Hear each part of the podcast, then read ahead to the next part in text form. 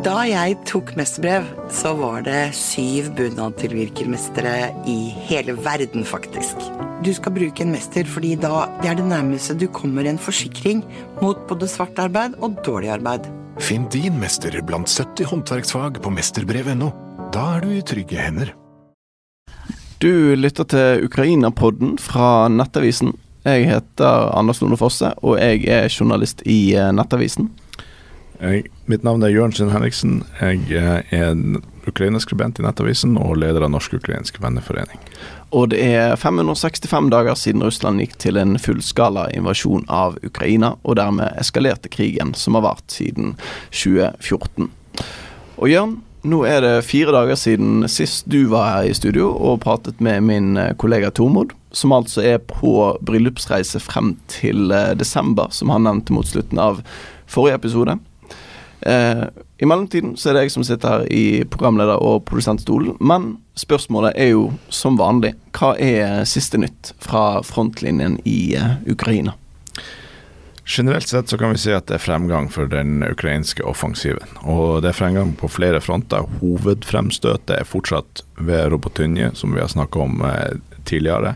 Der har det vært flere russiske motangrep. De har virkelig kasta inn store styrker for å prøve å ta tilbake Robotinje, som er en trussel for dem, fordi at det ligger jo på de her eh, forsvarslinjene, på Sjurovken-linja, eh, som går der. Og de har ukrainerne har slått tilbake de her motangrepene. Og Det er egentlig en fordel for Ukraina at russerne går til angrep på den måten, fordi at det er mye lettere å bekjempe en fiende som kommer løpende mot deg, eller som, som angriper en når de ligger i stilling. Så de her eh, russiske styrkene måtte jo ukrainerne ha møtt i kamp uansett når de skal gå videre i offensiven sin. Men i og med at de går til angrep på de, på de uh, ukrainske linjene, så, så, er det en lettere oppgave enn å bekjempe de når de ligger i stilling selv. Um, så har de hatt fremgang både med Robotynje og uh, ned mot Novoprokopivka, og litt øst for de her to stedene i Ferbove. Uh, der har de brutt gjennom den andre linja. Og så har de prøvd å, å, å ta liksom hele Ferbove, som er sånn den um, veldig, en veldig rektangulær eh, landsby, en sånn lang landsby. Og de Ukrainerne har prøvd å ta hele den. Der har de mot veldig hard motstand, så har de svinga litt østover og heller angrepet langs de to forsvarslinjene. Og siden de er på begge sidene av linjen, så er det veldig sårbart for russerne. Så de har på en måte renska en større seksjon av de forsvarslinjene. Og på en måte åpna opp fronten bredere. Så det er en større seksjon av fronten nå, der de er forbi Særlig den første forsvarslinja, men også til dels den andre forsvarslinja. Så selv om det går sakte, så blir situasjonen mer og mer prekær for russerne i det området her. Mm. Og Hvis du vil høre mer om hvordan dette fungerer med første, andre og, og tredje forsvarslinje, så kan du høre på tidligere forrige episode vel, av uh, Ukraina-podden. Absolutt. Og uh, andre steder der um, og du kan lese artiklene som, som, Det er flere artikler i Nettavisen som både eh, journalistiske artikler og også eh, kommentarer skrevet av meg som, som, går inn på denne ukrainske strategien. Men det har jo vært en del kritikk av at det ikke har gått fort nok. Og som vi har snakka om tidligere her, så, så mener jeg at det er en feilslått kritikk. Det er en manglende forståelse av hva den ukrainske strategien er. For at samtidig som det her foregår på det her frontavsnittet, så har også ukrainerne fremgang, særlig rundt Bakhmut, sør for Bakhmut med Andrivka. De har også hatt fremgang med Opotnje, eh, eh, tror jeg eh, det uttales, nord for flyplassen i Donetsk. Eh, og det at de presser seg fram på flere plasser gjør at russerne må fordele styrkene sine rundt. De har lite reserver og på en måte må strekke styrkene sine. Og Det som skjer i tillegg, det er at de må ha flere forsyningslinjer. Sånn at de veldig begrensa eh, logistiske eh, mulighetene som russerne har, blir enda mer strukket. Sånn at de ukrainerne både sliter ut de russiske styrkene, men også særlig sliter ut den russiske logistikken i bakkant. Og de blir stadig Vi ser på de daglige oppdateringene fra ukrainerne at det er særlig mange lastebiler og drivstoffbiler som, som blir ødelagt. Så, så russerne sliter både ved fronten, men særlig med logistikken. Og det er det som virkelig kan knekke de når, eh, når ukrainerne prøver å, skru, å slå igjennom. Og så er det litt interessant at de nærmer seg flyplassen i Donetsk, for den er jo eh, et viktig sånn, symbol på denne krigen som, som starta i 2014. Det var der den første gangen etter at Petro Porosjenko ble valgt til president i, i presidentvalget etter Euromaidan.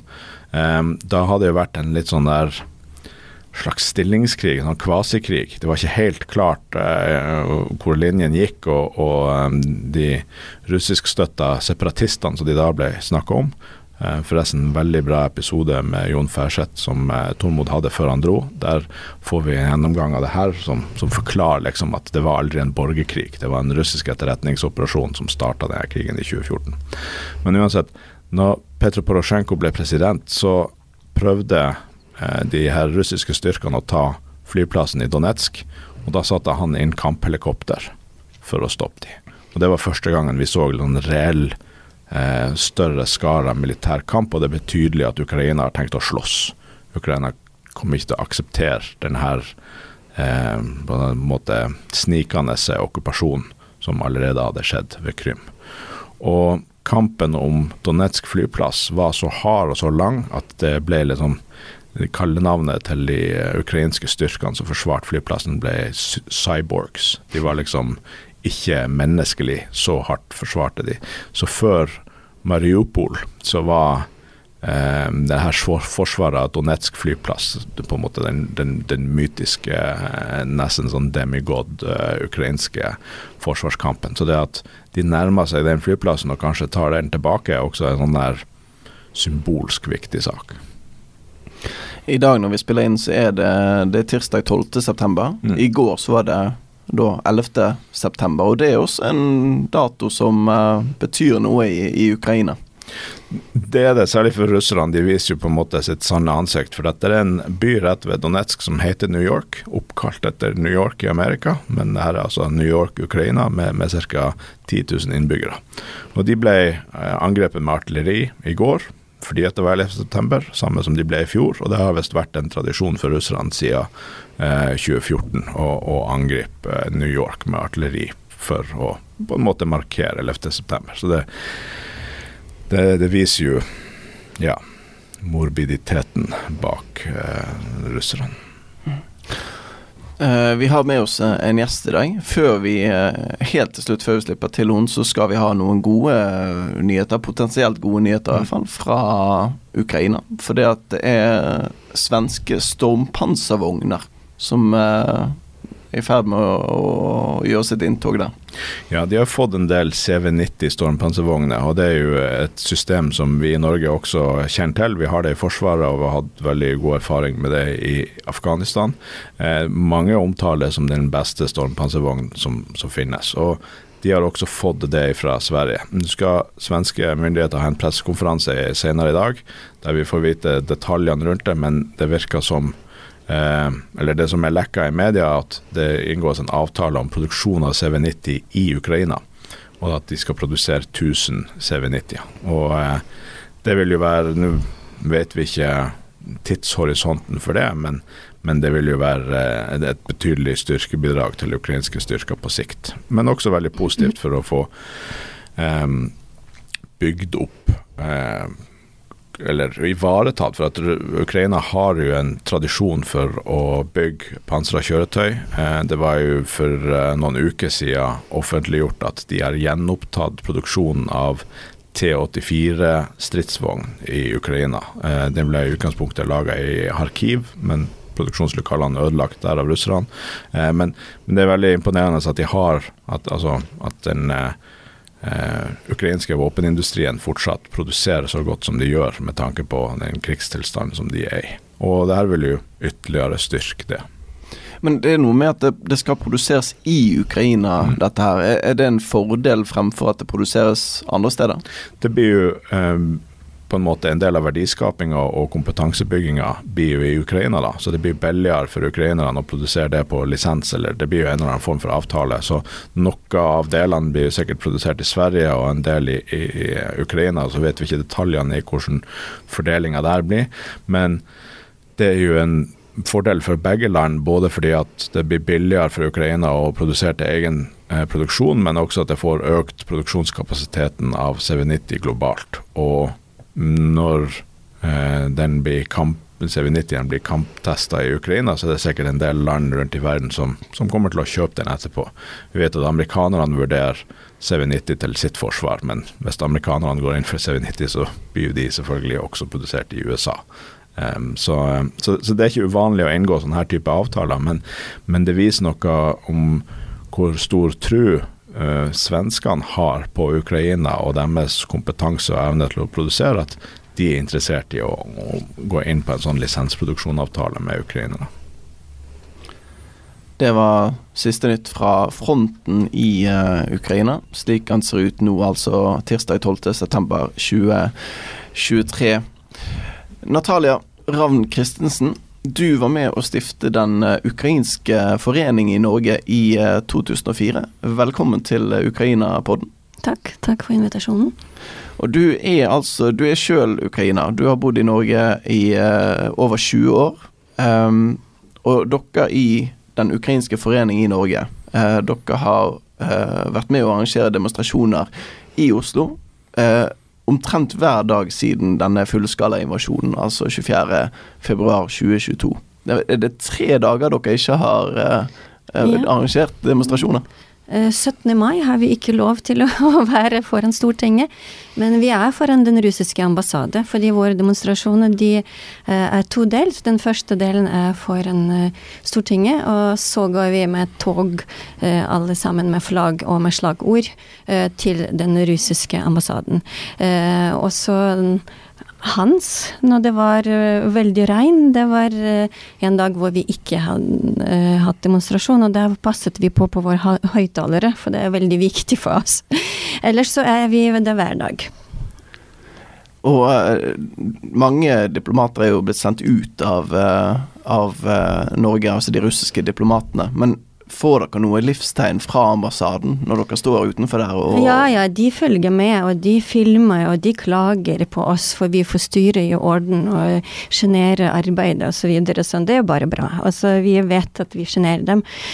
Men, øh, og vi ville stå der fram til øh, Ukraina vinner krigen. Og vi ville kjempe for eh, at Ukraina får erstatning og krigserstatning, og vi ville stå på eh, for at Uh, de skyldige skal bli straffet. Og jeg håper også at den bygningen som har vært nazibygning en gang, at de også har blitt fratatt et russisk stat. Mm. Så den, den bygningen kommer nok til å bli kjent men eh, jeg syns jo det er litt eh, det, det stilig at dere er foran den russiske ambassaden hver dag. Men, men, de kan jo ikke klage på at dere er der, dere hører jo til der. For at uh, adressen deres er ja, jo veldig stilig. Ja, det er Ukrainas plass. Ja, det, ja, det er Vi takker Frogn.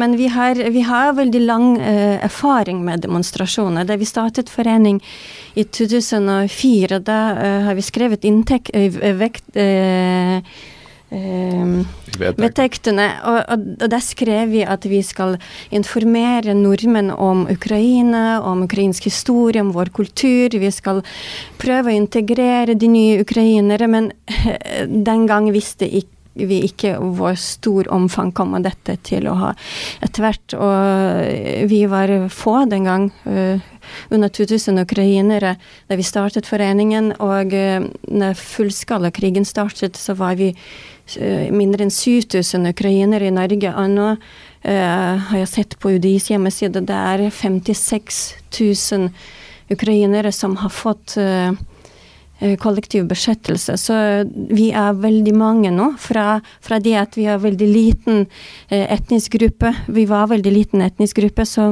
så, er vi veldig mange nå. Og foreningen har vokst. Og um, nå, den ukrainske foreningen har veldig mye å gjøre. Litt av bakgrunnen for den foreningen, vil du fortelle litt om det? Hvorfor ble det opprettet i, i utgangspunktet? Eh, vi ville samles, vi ville starte en skole. Vi startet en skole som har fungert siden 2006. Og den skolen har vokst så mye at nå er eh, den en ganske stor skole. Kobzar heter den. Det er nye elever nå blant flyktninger.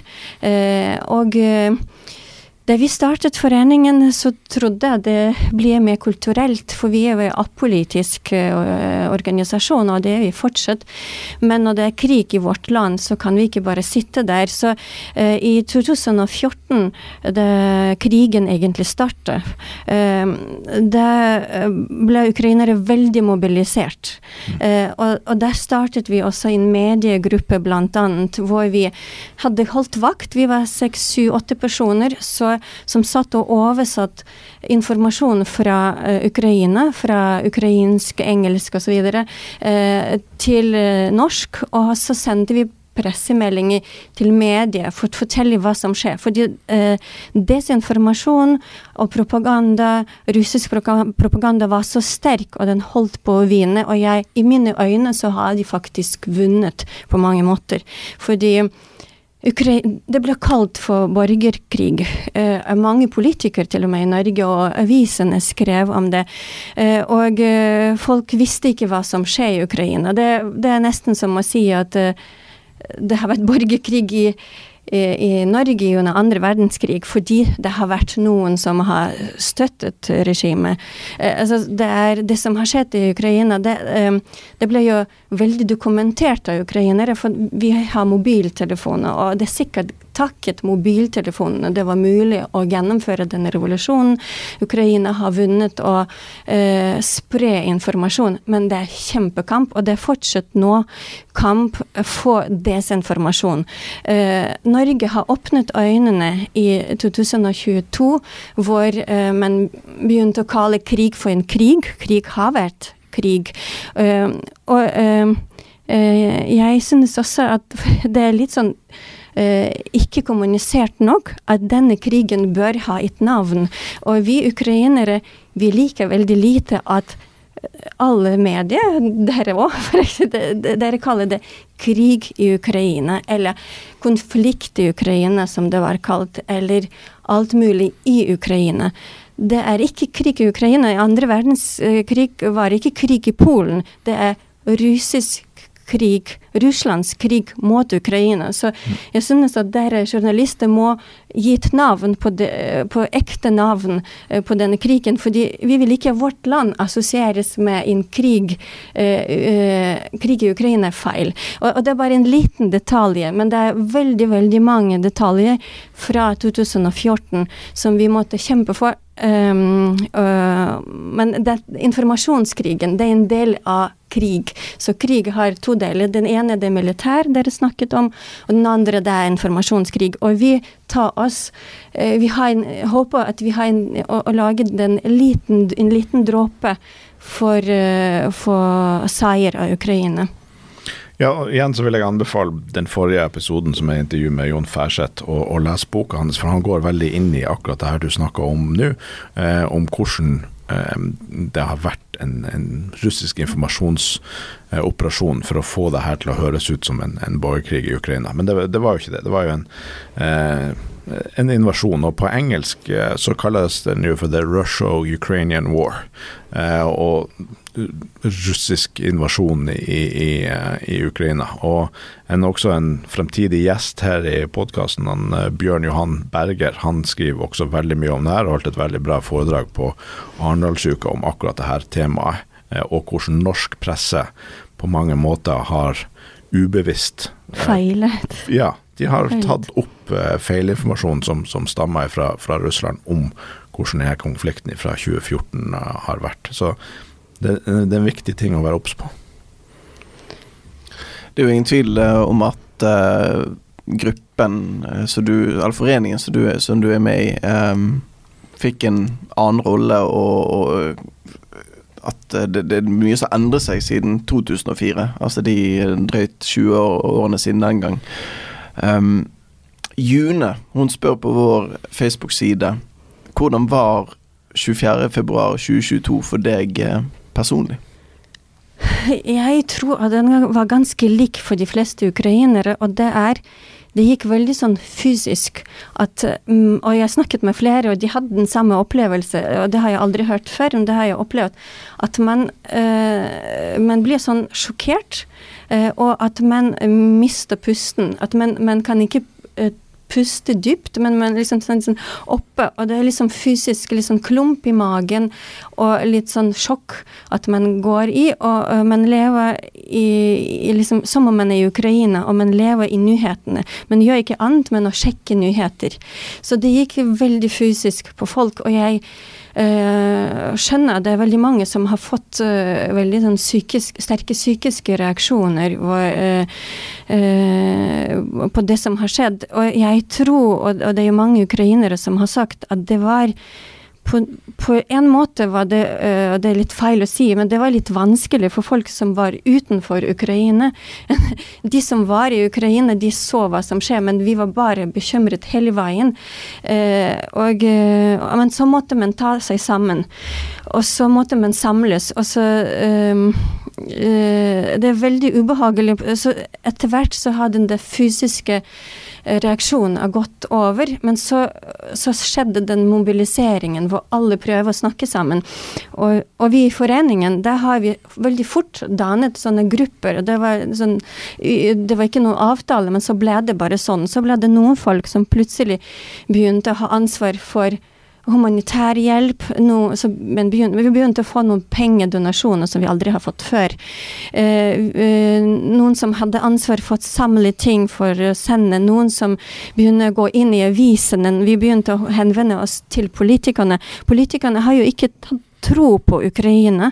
Og ingen, verden hadde jo ikke tro på Ukraina. De nevnte to dager, tre dager.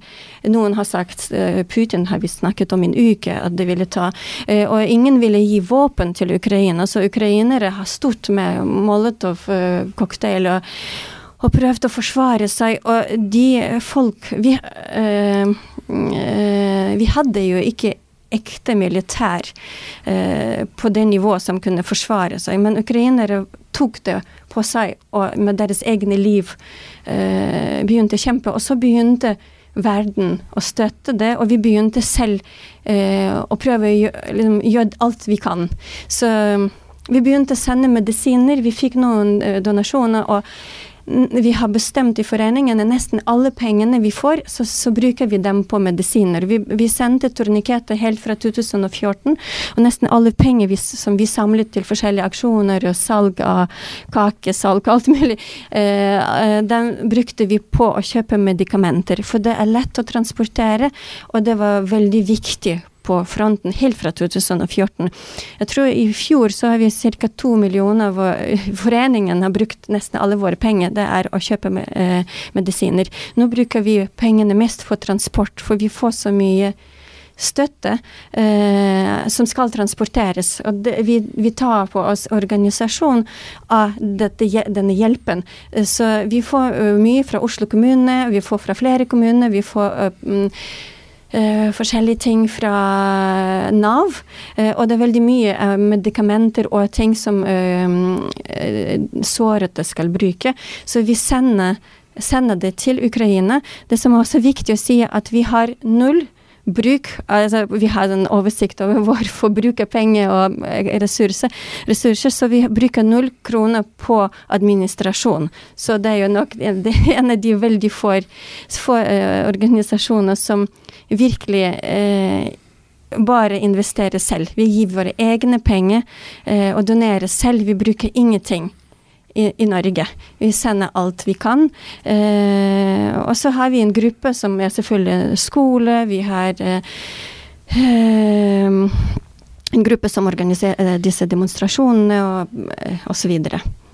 Men hvor, hvor, viktig var det for, for, for ukrainere i Norge, altså først snakka om det her sjokket som kom. Hvor føler du at det har vært viktig for Ukraina å gjøre et eller annet og føle at de har en, en påvirkning? At de ikke bare blir stillesittende seende på, på, nyheter, liksom, men at de deltar på en måte og samler inn og har en aktivitet som, som bidrar til å hjelpe Ukraina? Jeg tror at uh, alle ville ha gjort det. Om nordmenn, om det har skjedd med Norge eller med andre land, det ville alle ha gjort. Og jeg føler at hver eneste person, uansett hvor mye de gjør, hver eneste ukrainer føler at de gjør for lite. Mm. uh, og jeg, jeg, har også sett litt sånn ekstra aktivitet fra guttene, de som har bodd her. Vi har jo hatt en del IT-folk som mm. bor i Norge, for det er den store gruppe uh, innvandrere, uh, arbeidsinnvandrere i, i, Norge. Det er IT-folk. Og, og, og, de har vært ekstremt aktive. Det er, det er, folk som virkelig eh, jobber 24 timer i døgnet. Uh, og, og, og, de er bl.a. på demonstrasjoner. En av oss er en IT-person som sitter og holder nesten hver dag demonstrasjoner. Det, er, tar i hvert fall tre timer fra, fra, øh, fra dagen. Så um, det er viktig, og jeg tror at alle ville ha gjort det. Du snakket uh, sant, om dette sjokket som, uh, som melder seg uh, når, når det den fullskala invasjonen eskalerer, eskalerer krigen. Men skjønte, eller trodde du at det kom til å skje? At det kom til å komme en fullskala invasjon?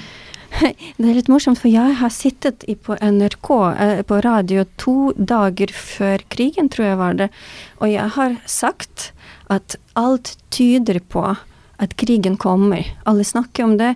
Det var liksom eh, ingen tvil om at det skal skje, men jeg trodde ikke på det. Og jeg tror det gjelder alle. Vi har snakket om at alt tyder på det, vi må gjøre noe.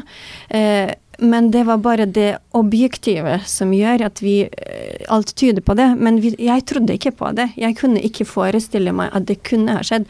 Og i begynnelsen, da krigen startet, så trodde vi litt sånn som da korona startet, altså to-tre uker eh, Det går over. Jeg eh, personlig var naiv nok til å tro at russere selv, selv ikke ville holde på det. De ville se at dette er totalt urettferdig. Jeg Eh, kjenner eh, mange, jeg kjenner flere russere. og eh, Jeg regnet med at russere i Russland ville bare nekte å gå i krigen. Det er, det er dem selv. Vi har jo aldri sagt at vi er noen spesielle brødre, men det er dem selv som likte å kalle Ukraina for lillebror. Og så og så begynner det sånn med det omfanget, og med eh, å forestille seg at menn kunne torturere naboene, altså ukrainere, bare fordi de er ukrainere.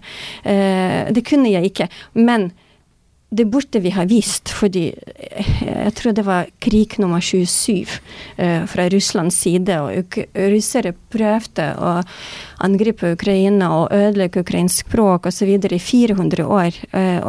Så det er ikke første gang. Vi hadde en, et hovedsted, en kosak-hovedsted som var brant totalt. Baturen het det. Og det eh, alle, absolutt alle innbyggere, inkludert barn og kvinner, alle, de var drept og brent. Og uh, alle menn var torturert i hjel. Så det er ikke første gangen vi har uh, denne uh, russisk angrep, og, og, det har vi lært. Vi har også hatt holodomor, hvor minst fem millioner folk døde av langsom sult, sult eh, i 1933-32-33. Så Ukraina har lang erfaring med at dette kan skje, at naboland kan gjøre så grusomme ting. Men når man lever i 2022 så kan man likevel ikke forestille seg at det er mulig, men det er mulig. Det ser vi disse torturkamrene. Vi ser hvor 90% av noen militærgrupper som blir torturert inn i fengslene, fortsatt. Altså folk sitter fortsatt, flere hundre folk, hvis ikke over tusen. Så, eh, og verden må stoppe det. Heldigvis, heldigvis har verden åpnet øynene. Og ukrainere er sikre på at vi vinner denne krigen. Og jeg tror også at ukrainere var sikre på fra begynnelse. Eh, det er bare spørsmålet tid, og spørsmålet hvor mange folk som dør. Men det at Ukraina kommer til å være fri det, det var, Jeg har i hvert fall aldri tvilt på det, og jeg tror ikke at noen ukrainere har gjort det, det, er jo interessant altså det du sier om at man forventa at russerne sjøl skulle stoppe denne krigen, og at de ikke ville akseptere noe sånt. Altså, vi så jo eh, de første døgnene og de dagene etterpå at det var veldig mange russere som gikk ut i gaten og demonstrerte mot krigen. Og så er det jo interessant å se på hvordan, hva Russland er blitt til. for at de har endra straffelovene før denne krigen som gjorde at det å bl.a. demonstrere for fred eh, kan straffes med opptil 15 års fengsel. Ja. Veldig mange av de eh, de straffedømte som er blitt mobilisert, særlig av Wagner, til denne krigen. Jeg har lest en del enk enkelthistorier om det, og, noen av de er jo helt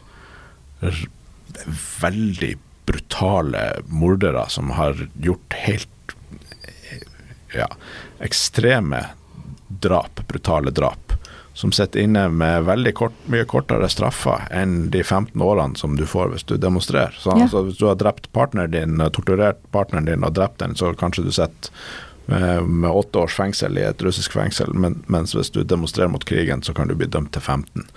Eh, og så er det jo den tilleggsrisikoen med at hvis du demonstrerer mot krigen, så kan du jo først havne i fengsel, og så bli mobilisert og selv sett i krigen. Så, så Russland er jo blitt et veldig totalitært samfunn, og det tror jeg det er mange i Norge som ikke har fått, fått med seg. men som du sier, ukrainerne mm. har jo denne russiske erfaringa gjennom flere hundre år. Ja, vi har erfaring med historien, og vi har erfaring med desinformasjon og fakes. Og det, har, det er veldig nytt for Norge, men det er ikke nytt for ukrainere. Det er, altså, det er jo også russere som har selv blitt ofre.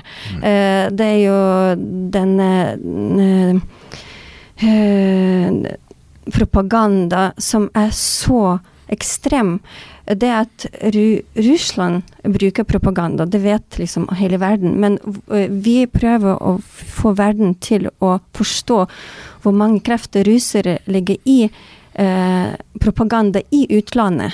Propaganda i Afrika, propaganda til og med i Norge. og, og det, jo, det kommer mer og mer informasjon. og alle land har vært ofre for det. Og, og, og denne uh, brutale uh, disse brutale historiene i Russland nå, uh, i tillegg til propaganda, det gjør at vi ikke har noe håp på at det kommer fra Russland. Russland skal stoppes militær. De skal stoppes slik at de ikke angriper igjen. Og det skal ikke være noe avtale som gjør at at russere slapper av og angriper igjen. De skal betale krigserstatning, de skal holdes ansvar, og, skal, eh, og russere skal selv forstå hva de har gjort. For eh, det er et veldig interessant tema, for det mye altså, Det er veldig mange russiske nettroll som skriver på norsk, og som er aktive i, i sosiale medier på norsk. Men også en del nordmenn som også faktisk mener de her tingene. For jeg ser veldig mye i sosiale medier folk som eh, mener at nå må denne krigen ta slutt, og, og nå må vi på en måte eh, kreve fred på vegne av ukrainerne. At det er så mange ukrainere som dør i, i krigen, og, og, mener derfor at det må inngås en fredsavtale, at Ukraina må gi fra seg land til Russland for, for, for å få stopp på krigen. Du som ukrainer, når, når du leser det her, hva, hva, tenker du når folk på en måte på vegne av deg eller på vegne av det ukrainske folket driver og krever fred? Det er folk som enten ikke vet nok, eller som er blitt offer for russisk propaganda, eller som ikke skjønner hva de snakker om. De skjønner ikke hvordan situasjonen er i Donbas nå, i de okkuperte ukrainske områdene. Eh, det er på nivå av Nord-Korea. Mm. Deres demokrati Altså, menn kan bli stoppet på veien og satt inn i, i kjeller og drept. Det er mange folk som forsvinner. Det folk kan ikke si et ord på ukrainsk. Det er uh, Det er ekstreme tilstander, og ukrainere kan ikke la disse territoriene bare gå og lage Nord-Korea ut av dem. De, uh, og, og Ok, det er to millioner ukrainere som har flyktet fra disse områdene, men det var fortsatt mange folk. Uh, og, men Ukraina kan ikke svikte dem. Mm. Uh, og hvordan de bor, det, det er Nord-Korea vi snakker om. Ja, så hvis, i et tenkt tilfelle, hvis ukrainske myndigheter inngår en fredsavtale der de sier at ja, de, de får, de får russerne får eh, Luhansk og Donetsk oblast, da, da dømmer jo de på en måte de her folkene til å bo i Nord-Korea? Riktig. Og så jeg vet ikke hva nordmenn ville ha sagt hvis uh, russere har tatt Finnmark og så sagt at de kan vi bare gi bort, så de ikke går videre. For det første så er vi helt sikre på at de går videre. Hvis de får noe de skal altså Det er jo helt klart at Ukraina skal uh, vise til verden at sånn i, i 2023 kan man ikke uh, oppføre seg. Man kan ikke angripe en, en mindre land selv om du har atomvåpen. Mm. Det er jo presedens, og det gjelder verden. Uh, plutselig vil andre land, type Nord-Korea eller uh, Kina Nå vil jeg ikke gå i en stor politikk, men alle forstår at Russland skal stoppes. De skal ikke bare få en avtale. og Eh, la det gå. De må straffes. Du, du, har ikke tro på, hvis det har blitt en fredsavtale, du har ikke tro på at på lang sikt at russerne vil holde den avtalen? Russland har aldri hatt, noen avtale. Vi har jo 94 eh, eh, Budapest-memorandum hvor Ukraina har frivillig gitt fra seg atomvåpen og mye annet våpen, forresten.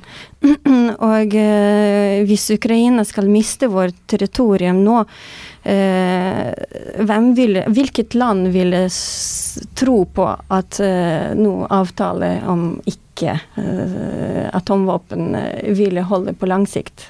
Så, så det er jo ikke Det er ikke Eh, vi har et uttrykk på ukrainsk at uh, avtale med russere er ikke verdt det papir man skriver uh, på. For det, de holder ikke avtaler. Nei, for det ble jo en avtale i var det 2015, Minsk-avtalen. Ja, Minsk-avtalen som de, Denne krigen er jo et brudd på den. Ja, og det, det, er jo mange avtaler, og det er jo kultur uh, som vi etter, etterhånden forstår altså Hvis en norsk politiker går og lyver, hvis det større kom og lyver direkte Gang på gang på gang på gang. Alle vet han har lyver. Hva vil nordmenn si? De vil fjerne ham. Men Putin lyver. Alle vet at han lyver. Uh, nei, det er ikke oss på Krem. Jo, det var oss på Krem. Nei, det var ikke Jo, jo, jo. Altså, det er bare løgn på løgn. Alle vet om det. Det er jo ingen tvil om det. Men så er han den store makten likevel. Og det er jo en russisk kultur som er bare blitt sånn. Det er, det er noe helt fenomen som dere kan lage et program om. Ja. Så, så, man kan ikke stole på. Må, så vi håper bare at Ukraina får den hjelpen Ukraina trenger for å stoppe dette. For det er jo Russland selv interessert i. Det er for Russlands egen interesse at det stopper fortere. Eh, det er ikke kun for ukrainere. Er, vi vinner uansett. Og vi vet hvor Ukraina Altså i framtiden i Ukraina, det vet vi. Det kan ta mange år, men vi vet at det blir demokratisk. Ukrainere har lagt så mye i det. Vi har mistet så mange folk. Vi har mistet så mye at vi vet at de verdiene kommer vi til å slåss for. Eh, de, de, demokratiske verdiene og menneskeverd. Men uh, hvor Russland blir, og hvor mange år det tar, det, det eh, vil jeg ikke eh, det, det er vanskelig å si, og jo fortere krigen slutter, jo bedre det er også for dem, og for verden generelt. Ja, så Da kan vi legge inn en oppfordring til norske myndigheter. Få raskt stopp på krigen. Eh, putt mer penger på F-16-programmet eh, og støtten til eh, det ukrainske flyvåpenet, sånn at de raskere får et sterkere og bedre flyvåpen.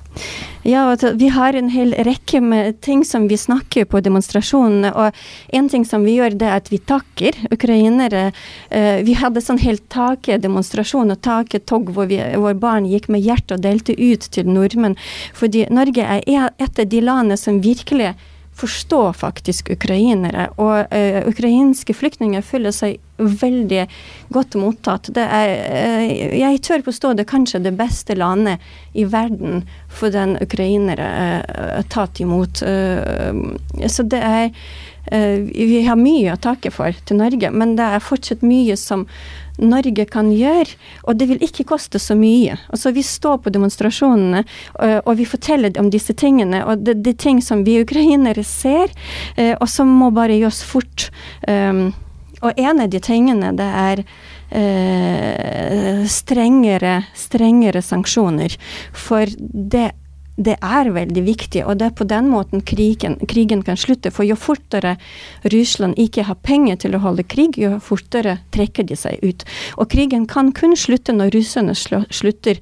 Eh, hvis ukrainere stopper til Jeg liker det der uh, som Anders Fogh Rasmussen, den tidligere Nato-sjef, sagt at hvis ukrainere slutter å, å slåss, så er det ikke noe mer ukrainer, og hvis Ukraina. Og hvis russere slutter, så er det ikke noe mer krig. Så Eh, så eh, Norge og vestlig verden må presse, Ukraine, eh, må presse Russland ut fra Ukraina. Og sanksjoner er viktige. Og La Norge stenge de russiske skipene i norske havn, fiskefartøy. Det sier vi og sier foran Stortinget nå i 600, nei, 565 dager. Men det fortsetter, altså, hva var det i fjor? 1,9 milliarder penger som Norge har uh, kjøpt fisk for, og det kan Norge overleve uten. Fordi disse pengene blir brukt direkte på å betale skatt i Russland og for å finansiere krigen. Det er en liten ting, men det er veldig mange penger. Uh, og Norge er et av de landene som faktisk har hatt minst økonomisk tap. Kanskje i mange måter har Norge vunnet på krigen pga. de høye oljeprisene osv. Så, videre. så det er jo små ting som kan gjøres, sånn som stenge disse eh, russiske fart, eh, eh, fiskefartøy fra, fra, norske havn, og eh, lage sanksjonene sterkere. Eh, og det vi snakket om, og vi ber om våpen. Vi ber og ber og ber. Og, og når, det er mange nordmenn som kan forestille seg at Ukraina har fått masse våpen, for man tenker å lese avisene å, nå har de fått det, og nå har de fått det. Men i virkeligheten så det er absolutt ikke nok. De første stridsvognene ukrainere har, det er dem som vi har tatt fra russere. Russere er dem som, som, eh, som gir Ukraina mest stridsvogner, fordi det er dem som vi har fått fra dem uh, de har, uh, ja, i, i, krigen. Uh, og når man snakker om statistikken, så Ukraina har fått mindre enn 100 stridsvogner frem til nå. Det er ni måneder siden vår vestlige verden begynte å snakke om, om å gi Ukraina Leopard, Challenger osv. Uh, og hvis vi tenker på det 1300 km aktiv krig, mm. og så forestiller vi oss mindre enn 90 stridsvogner på disse 1200 km, så er det ikke nok. Og så er det veldig dette òg Vi skal ikke gi våpen. Det tok så lang tid, også for Norge, for å begynne å støtte Ukraina. Og på en måte så forstår jeg, og jeg er veldig takknemlig at, her, at Norge har begynt å støtte. Men den våpen vi får, det er ikke for å angripe. Det er å skytte disse missilene som ødelegger ukrainske byer. Så hvis Norge begynte å gi NASAMS tidligere, så hadde det helt sikkert vært flere uh, missiler som var skutt ned. Så, men det er fortsatt lang vei å gå. Så vi står fortsatt og ber om mer våpen. Og jeg har aldri tenkt uh, meg at jeg kommer til å stå foran Stortinget og be om våpen, det kunne jeg ikke forestille meg. Men verden er dessverre sånn. Så ja. Og det, det, er klart det er et veldig godt poeng, og det, det kan vi ikke si ofte nok. For at eh, altså en, en, frontlinje på over 1000 km, som du sier, og en, en, landkrig i Europa mellom to industrielle nasjoner er jo en, en voldsom ting som, som, Vesten heller ikke har sett for seg. Så det har jo vært en, utfordring for den vestlige verden og Nato. å ha nok materiell å gi, for at vi har ikke vært forberedt til en sånn type lang landkrig. Vi har sett for oss at den neste, eller den potensielle krigen som, som Vesten og Nato skulle delta i, skulle først og fremst foregå i lufta, og det gjør jo ikke denne krigen. Så, så det, det, er jo uvanlig. og Det er derfor vi ser en avtale med svenskene om å bygge 1000 CV90 eh, stormpanservogn, og ikke, ikke, 50 eller eh, 30 eller noe sånt som det ville være hvis Norge hadde bestilt, men, men faktisk 1000. Mm. Men, men, det er et godt poeng det der du nevner med, med eh, russiske fiskefartøy i norske havner. For at Norge sin støtte eh, Jeg har tidligere vært kritisk og kritisk i begynnelsen, men, men, i det store bildet så gjør Norge veldig mye, og det er veldig imponerende den støtten som norske myndigheter gir. Men akkurat det her med de fiskefartøyene, det er ganske flaut. Vi er det eneste landet i Europa som tar imot russiske fiskefartøy, og det er snakk om store verdier. Og sånn som det er nå, eh, russerne har tømt lagrene sine, sånn at det er nyproduksjon av våpen som på en måte gjelder i forhold til fortsettelsen av krigen i Ukraina. Eh, og de er blitt en krigsøkonomi. Så denne betalinga som Norge gir for russisk fisk, det går direkte inn i krigsøkonomien deres og bidrar til deres evne til å, til å føre krig. Så det er noe Norge burde stoppe med umiddelbart. Du snakker litt om støtten fra det norske folk, altså ikke bare fra myndighetene, men fra det norske folk. Nå har det jo gått eh, snart altså ett og et halvt år med krig um, Beklager over at et og et halvt år med krig hadde, hadde blitt nå. Um, merker du at er støtten den samme? Har det blitt mer støtte, har det blitt mindre støtte etter hvert som måtte, måned etter måned uh, går? Uh, jeg merker støtte, virkelig. og det merker vi hver dag. Bare, jeg ville oppfordre folk til å gå med oss på demonstrasjoner, men trenger ikke være ukrainsk for å komme på våre demonstrasjoner. Og vi er ikke mange, og vi er veldig fredelige. Det er mer bare informasjon vi står og forteller. Eh, men den veien vi går, vi går langs Drammensveien, du kan se hvor mange ukrainske flagg henger langs veien. Og, og, det er folk som står på terrassene, på verandene og fra vinduene, som står der hver dag og vinker til oss. Og vi til og med kjenner navn på dem. Det er en i Drammensveien som heter eh, Vigdis og, og, Eller vi, vi går og, en som heter Astrid, og vi, vi, roper 'hei, Astrid', for hun er det hver dag. Jeg tror hun har vært det minst 500 ganger. Eh, og det er naboen, det er nabobygningen i Bugård rett ved siden altså i Ukrainas plass, eh, rett ved siden av den russiske ambassade, de er det hver dag. Først står de på balkongen, de har ukrainske flagg nesten i alle vinduer, og så kommer de ned til oss. Når de har bursdag, så kommer de med kake. Eh, Eh, så eh, vi merker støtten. Og eh, ja, i begynnelsen så det var noen folk som, folk som klappet, og folk viser Folk som kjører forbi russisk ambassade, de viser sånn mm, tegn til oss at de støtter oss. Så ja, vi føler støtte. Vi har også fått en del penger i begynnelsen. Som sagt så har vi brukt mest på medisiner, og nå bruker vi mest på transport. Det blir litt mindre sånn fysisk støtte nå eh, etter hvert, og jeg tror det er færre som kan donere. Eh, det blir kanskje mer før, før vinter igjen. Eh, Norge, Norge, er veldig flink til vinterklær, og det har vært veldig behov. Og det er ikke, nesten ingen andre land som, som har dette. Sånn ordentlige soveposer, ordentlige vinterklær som var behov for. Uh, uh, um, det kommer behov igjen. Eh, vi følger støtten. Og eh, jeg, jeg, snakket jo med folk fra andre land, og det blir litt subjektivt, men det er mye lettere å snakke med nordmenn. Nordmenn vet mye mer enn folk i Spania eller i Helleste eller mm. Norge, Danmark, Sverige. Det, det, vi følger oss hjemme der. Det er derfor ukrainere også har det veldig fint her. Ja, Nordmenn følger med på krigen? Ja, mm. følger med på krig og, eh, og, på hva som skjer, og de vet hva som skjer. De er ikke hjernevask. Altså, men har jo selvfølgelig noen ting som man kan uh, fortelle som man ikke vet, men generelt hvis du ser på verdensbasis, så er Norge veldig flinke, og de støtter Ukraina veldig. Og vi, vi er supertakknemlige. Og det går på Det går på personlig altså Noen ganger så snakker folk uh, at jo, jeg har lest at nordmenn er så luk lukket folk at de eh, det er vanskelig å bli venn med Norge, nordmenn det er vanskelig å snakke med dem og osv. videre. de sier at de har helt annet inntrykk, og det er nok fordi nordmenn har, vært, uh, har åpnet hjertet sitt. Og det er uh, folk som leverer barn i barnehage. Uh, de blir invitert på skolene. Det, det, blir veldig godt mottatt. Og vi håper folk får arbeidsplasser òg. Det blir det neste ting som er veldig viktig. For nå blir det flere og flere ukrainere som skal på arbeidsmarked. Som er litt vanskelig nå, men mange lærer seg norsk. Og ja, vi føler støtte. Så, og vi er uh, veldig takknemlige både til staten, men også til folk privat. Og vi oppfordrer folk til å besøke oss og støtte Ukraina. Og det er veldig mange måter man kan støtte Ukraina på. Men det, jeg merker litt av det samme. Som, som journalist så sitter jeg og følger med på, på lesertall, f.eks. Og det som jeg merker, hvis vi sammenligner med korona, som jo holdt på i to-tre år eh, før, rett før krigen Det ble jo på en måte avløst av krigen rett sånn nyhetsmessig.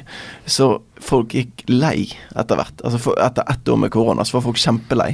Og du så det på lesetallet, at det bare stupte. Og vi fortsatte å skrive om det for det påvirker folk, og det er liksom det som, er, som vi føler er viktig. Men det som du ser på lesertallet om Ukraina fremdeles er at de er, de er, like høye som de var i starten. Så folk Dette er noe som engasjerer det norske folk, og som, som du sier i sted, at det, det, norske folk holder seg på en måte oppdatert, oppdatert. på. Ja, og det er veldig godt å høre. Det, jeg vet ikke statistikk om det, men vi føler noen gang at man skriver mindre. For det skjer så enormt mye. Uh, og noen ganger så skjer det veldig alvorlige ting i Ukraina som ingen skrive om i Norge. Eh, og vi er veldig redde for at man venner seg til krigen. Og det, det er litt sånn eh, vår oppgave, ukrainsk oppgave, eller ukraineres oppgave, det er at folk ikke glemmer krigen, og ikke man venner seg til krigen. Fordi det er det Putin vil. Putin vet utmerket godt at eh, de ikke vinner denne krigen, og det vet russere. Og mennesker er veldig hjernevasket for å tro på at de kan vinne. Men jeg er helt overbevist over at at eh, Putin og hans omgangskrets helt innforstått at de taper. Eh, men eh, men de, får, de, håper på at men, verden blir sliten, de håper på at Trump kommer tilbake, at USA gir mye mindre våpen, og eh, at støtten til Ukraina går ned, og så finner de på en eller annen avtale. Så det er det de håper på. Og det skal vi ikke tillate. Ja, nei, det, jeg har tenkt samme tanke, at det er kanskje det bare det de venter på, at Nato skal, skal gå lei. Um, og slutte opp mot den støtten som de, som de etter hvert da, har gitt. Um, men det, virker, det er ingenting som tyder på det, Bjørn. Nei, altså Det er litt bekymringsmessig den eh, litt sånn snikende eh, diskusjonen som kommer i USA. Eh, Høyresida i USA har jo eh, på tvers av Trump vært veldig tydelig i, i støtten til Ukraina. Eh, og, og, og, det har på en måte sett bra ut, men, men de russiske informasjonskampanjene har jo en effekt eh, borte i USA. Vi ser at tallene eh, går litt nedover i, i, støtten der. Men det vi må huske på med USA, er jo at eh, hvis det blir en, la oss kalle det en Ukraina-kritisk president blir valgt, det tror jeg ikke. Men hvis det skulle skje, så ville den presidenten først gå på i, januar 2025. Og sannsynligvis så tror jeg at Ukraina har vunnet den krigen innen januar 2025.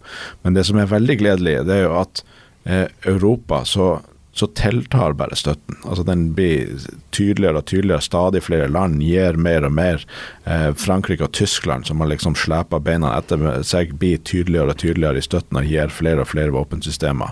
Eh, og den totale støtten fra Europa har nå også gått forbi USA.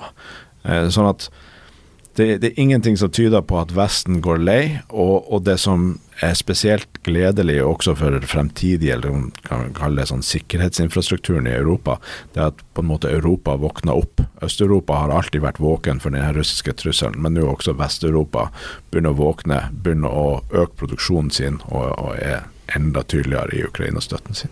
Men vi kan ikke slappe av, for hvis vi ser på G20 eh, og på de tendensene eh, og det, de uttalelsene de har hatt, det var uh, ukrainere veldig skuffet over. Og uh, det er skremmende. Det er skremmende hvordan uh, verden, eller disse store landene som ikke er i Europa, hvordan de kommer til å håndtere krigen videre. Det er tegn på denne tanken om la oss la russere få sin vilje. Mm. Eh, dessverre så finnes denne risiko, det er ikke bare i Europa.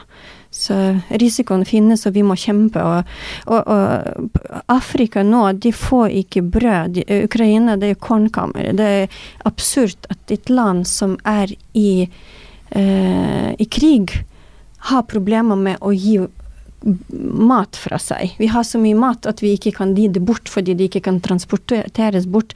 Og en annen absurd er at Afrika, som sulter og ikke har brød, de er på mange måter på den russiske siden fordi de blir offer for russisk propaganda. Mm. Så uh, verden er veldig ulogisk. Så selv om vi ser logikken og ser hvordan det bør skje, så kan vi aldri vite tingene. Vi vet at Ukraina vinner, men hvor lang tid det går og hvilke premisser og sånn, det, det, må vi jobbe med. Det kan vi kanskje ha en egen episode om i fremtida, Russland sin Afrikastrategi, men, men det, det, her er helt klart. Og det er mange som har tenkt at ja, men når Russland går til angrep på de ukrainske kornlagrene og infrastrukturen der og hindrer eh, transport, så vil det provosere eh, land i Afrika bl.a. fordi at de matprisene der går opp. Eh, men det er ikke det som skjer, for det fører til ustabilitet. Og det er ingenting russiske propagandakampanjer trives mer i enn ustabilitet, og der folk er misfornøyd. Sånn at han får denne dobbelteffekten. At han får opp matprisene uten at det har en kostnad for på en måte støtten til Russland i Afrika. Tvert imot så får infokampanjene til russerne enda større effekt når du har denne ustabiliteten og misnøyen. Må det nesten nevnes at de, eh, den desinformasjonen i Afrika er enorm. Uh, og de har jo Russia Today. og Norge er kanskje det eneste landet i Europa som også fortsatt har Russia Today og ikke har lukket, og det bør ikke være lov. Altså, det er, det er eh, ikke en medie. Det er en uh, Kremls propagandamaskin som som snakker bare løgn hele tiden. Eh, det bør stenges. Det bør stenges. Det, det snakker vi på våre demonstrasjoner om. Det bør stenges. Ikke bare løgn, men de driver også og oppfordrer til folkemord, som jo er et brudd på folkemordkonvensjonen. Eh, så Russia Today burde absolutt stenges. Uh, vi uh, må snart runde av, uh, men det er en ting som jeg lurer på helt til slutt her. Hvis du har flere spørsmål, Jørn, så må vi bare ta det etterpå. Men det er en siste ting jeg lurer på, og det er, det er noe som fascinerer meg. Og det er at støtten til Putin altså du, Jeg vet ikke om du kjenner til Levada, ja. Ja, som, som, altså fører meningsmålinger, som er det nærmeste som vi kommer um, objektive, sann, sannferdige meningsmålinger i Russland. Det er jo utfordrende å utføre det, med av åpenbare grunner. Men det er disse her som norske forskere forholder seg til. Mellom 2017 og 20, altså frem til krigens utbrudd omtrent, så lå Putins støtte på mellom sånn 70 og 60% Altså på spørsmålet eh, støtter du Putins aktiviteter. Mellom 60 og 70 Etter krigens utbrudd så hadde det da gått over 80 det har nesten ikke vært under 80% som svarer ja på det spørsmålet siden den gang. Og da er jo mitt spørsmål her Altså, hva tenker du om Vi snakket litt om soldatene i sted. Sant? De liksom brutale soldatene som har vært i fengsel osv. Men hva med det russiske folk som sitter hjemme i sofaen sin og ser på russisk statlig TV? Eh, er de feige? Blir de ført bak lyset? Hva, hva tenker du om den jevne russer? Som, som, um, som er i et land der det føres et krig mot ditt land? Det er vanskelig å forstå. Det, det kan jeg ikke forklare. Altså, det, det, er underlig at folk ikke kan tenke selv. Uh, og det blir flere og flere som dør. Men folk er villige til å bo i fattigdom. villige til uh, vanskelig det, det er en mentalitet som er fullstendig uforståelig. Men, men, jeg tror du er inne på noe der, at de ikke tenker selv. Og, og en, en, veldig sentral del av den russiske strategien mot sitt eget folk er å gjøre de apatiske, og gjøre de ikke-politiske. At de ikke skal ha meninger. Eh, sånn, I Norge så vil man tenke at i en sånn krigstilstand sånn som det her, det vil jo føre til at folk blir mer samfunnsengasjert og, og orienterer seg og prøver å finne informasjon og, og forstå hva som foregår. Men det russiske myndigheter håper på å få til, det er en slags apati. Det har ikke noe å si. Eh, politikk er ikke noe som angår oss. Vi har ikke noe innvirkning på det. De får bare holde på. Så lenge det ikke rammer meg, så, så er det sånn de, de fremmer denne apatien. Eh, og så hvis vi ser det i en kombinasjon til at kanskje det er jo over, langt over en million russere som har rømt, flykta, flykta fra Russland etter eh, fullskala invasjon. Og, mange av de her folkene som har rømt, er vel kanskje de som ville hatt evne til å tenke sjøl, og, og, på en måte da drar ned det, det tallet av de gjenværende i Russland. Som man sier, det er, 5, det er nok med 5% som kunne ha gjort revolusjon hvis de andre er passive. Mm. Men de gjør ingenting. Og, og russere i Norge hvor mange er de som er imot, uh, som gjør noe? Nesten ingenting. Du kan telle på fingrene de russere som bor her, og det bor mange russere her. Og de russere som kanskje er imot krigen, de er redde for å sette leik på noen for ukrainsk. De er redde. De Nei, krigen er ikke meg. Det kan være Eh, jeg kjenner en, jeg har en venninne som, eh, som, er russisk, og som ringte meg. Eh, og det var etter Butsja-massakren, eh, etter Izium, etter det forferdelige som har skjedd i Ukraina. Så kan hun spørre Eh, kan du fortelle meg hva som skjer i Ukraina? Det, jeg, jeg, skjønner at medier skriver alt mulig, men folk skriver jo bare Men hva er det egentlig som skjer? Og så tenker man hallo, altså medier skriver riktig. så, så det, det, er noe apati og angst, og det gjelder ikke meg. Eh, og, og, det er underlig også at folk her og, og man må vite også at eh, hvis For vi kan jo forstå russisk. Og jeg har sett disse russiske Facebook-sidene hvor det er en hjemmeside hvor det er 20 000 russere som, som abonnerer. Hvor negativt de kan skrive om Ukraina, hvor uh, aggressive de kan være mot Ukraina. Sitter, ja, selvfølgelig er det mange troll der, men det er også veldig mange som sitter i Norge, leser norske aviser, men ser også Russia Today samtidig. Og så er de, de, som de sier, de vil prøve å se balanse, men, uh, men de er anti-ukrainske. Uh, og, og, det er jo også noen medier uh, i Norge som forsøker å si at vi prøver å balansere. det er noen som ukrainere sier, og noen som russere sier. Og hva er sannheten? Det, det, er ikke sånn. Det finnes i sannhet, og så finnes det noen som er veldig langt fra sannhet, og noen som er veldig tett på sannhet. Så det, den balansen er ikke i myten, og derfor skal mediene heller ikke passe på, for mediene må forstå at det, de er en del av informasjonskrigen. Mm. Eh, og jeg, jeg syns norske medier blir stadig bedre på det. det. det. er veldig mye bedre nå enn det var for et år siden, og, og veldig mye bedre enn det var før en fullskala informasjon. Men det er ingen tvil om at Altså, det er fortsatt et problem med å prøve å skape falsk balanse. Skape balanse der det ikke er balanse, som du, du snakker om. Men det har vært særlig et stort problem i krigen mellom 2014 og 2022. Eh, så selv om det er et stort problem, så er det jeg syns norske medier har skjerpa seg, så litt skryt til det. Ja, ja. og med de ordene så eh, runder vi av dagens episode. Ja, Jan? Og så vil jeg nevne neste episode, ja. som er på torsdag. Da har vi en ny gjest. Det er Peter Frølich, eh, stortingsrepresentant for Høyre eh, fra Bergen. Det blir litt tungt å sitte her i studio med to Brann-fans samtidig, men det skal vi vel klare. Eh, han leder kontrollkomiteen på Stortinget, men det er ikke først og fremst derfor han kommer.